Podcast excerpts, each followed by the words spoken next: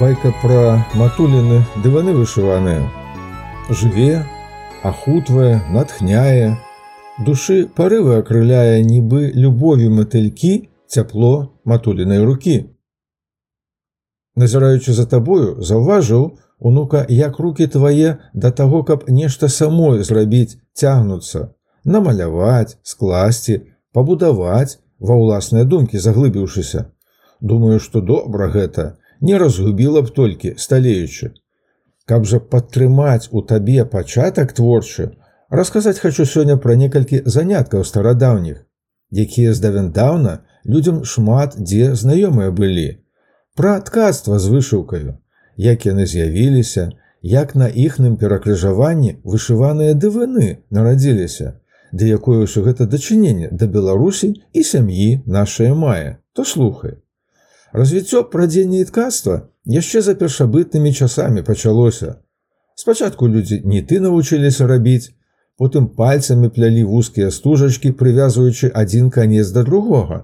Так адзенне першае з'явілася, Кросны станок адмысловы для ткацтва вынайшлі больш, чым за 4000 гадоў да нараджэння Хрыстова у старажытным Егіпце. Падобны на тыя, якія зараз можна ў музеях пабачыць, гарызантальны, абсталяваны нажнымі педалямі для ўздыму нітак асновы, каб рукі ткача ці ткачыхі свабоднымі былі для праходжання і адбівання уточнай папярочнай ніткі, што неверагодна працу і палегчыла і паскорыла. Гэтаксама ў глыбіні тысячагоддзяў сягае неўміручая прага чалавека выдзеліцца з асяродку навакольнага, жаданне упрыгожваць сябе і адзенне уласнае нечым падобным на сённяшнюю вышыўку. З часоў краманьёнцаў вядома гэта традыцыя. З усходу паходзіць. Пазней праз грэкаў і рымлянаў на нашых абшарах запанавала, у мастацтва ператварылася. Нашыя продкі ў паганскія часы моцна сэнсы пачалі розным вышываным арнаментам надаваць. Пра гэта ўнука я табе яшчэ на пачатку нашага байкапісу у сюжэце пра рушнік вышываны баяў. Можаш пераслухаць, калі запамятавала.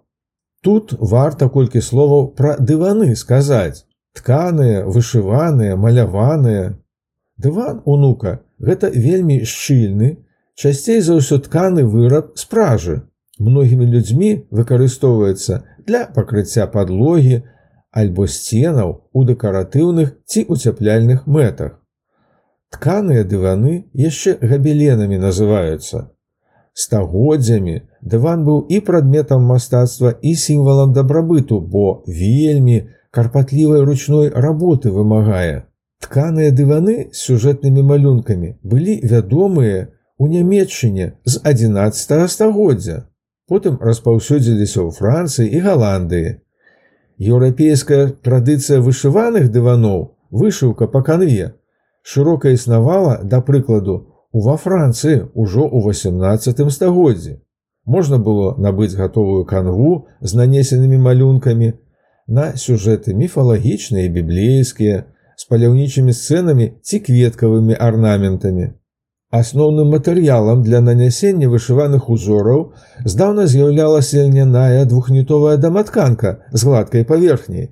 І дывановае мастацтва на нашых землях таксама распаўсюд займела праз працы прафесійныя, на мануфактурах кшталту той, што ў слуцку радзівіламі створана была, ці праз вырабы адмысловых камбінатаў сучасных, таких як барысаўскі да прыкладу.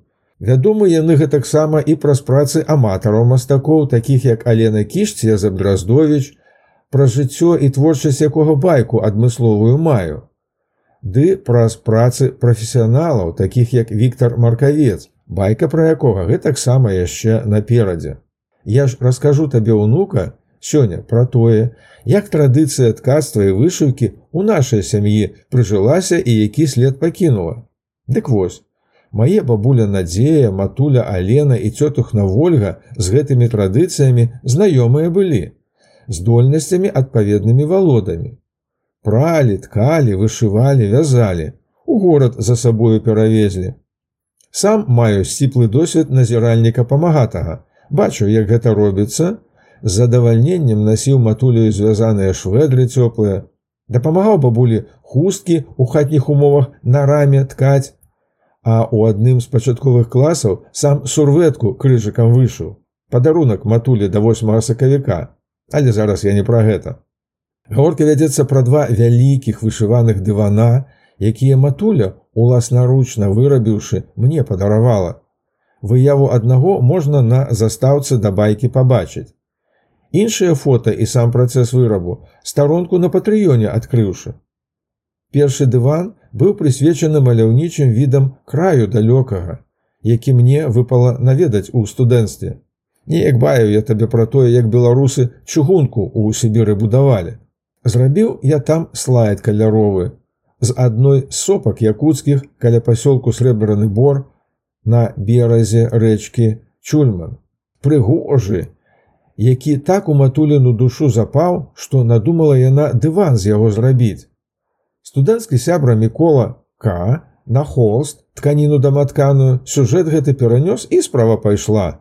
Год доўжылася Якім чынам зрабіць такое можна, карціць табе ўнука запытацца. Пачакай крыху, яшчэ пра сюжэт другога дывана вышыванага раскажу. Працуючы над якуцкімі краявідамі, вельмі матулі хацелася беларускі пейзаж увасобіць. Прыкладна як тым слуцкім качыхам у вершы Масіма Богдановича. Давай унука на хвілінку адхілімся трохі ад апавяду пра дываны, каб з асалодаю паслухаць урывак з песню владимира мулявіна слуцкія ткачыхі адной з самых лірычных на мой пагляд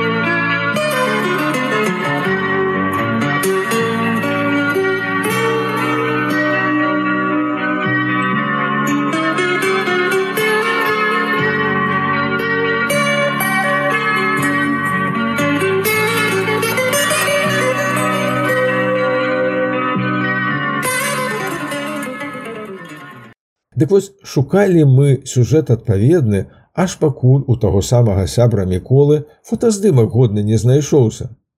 Зроблены падчас ягонай археалагічнай выведкі на палесе, на якім закінутая за саветамі драўляная каплічка самотна ўзвышалася.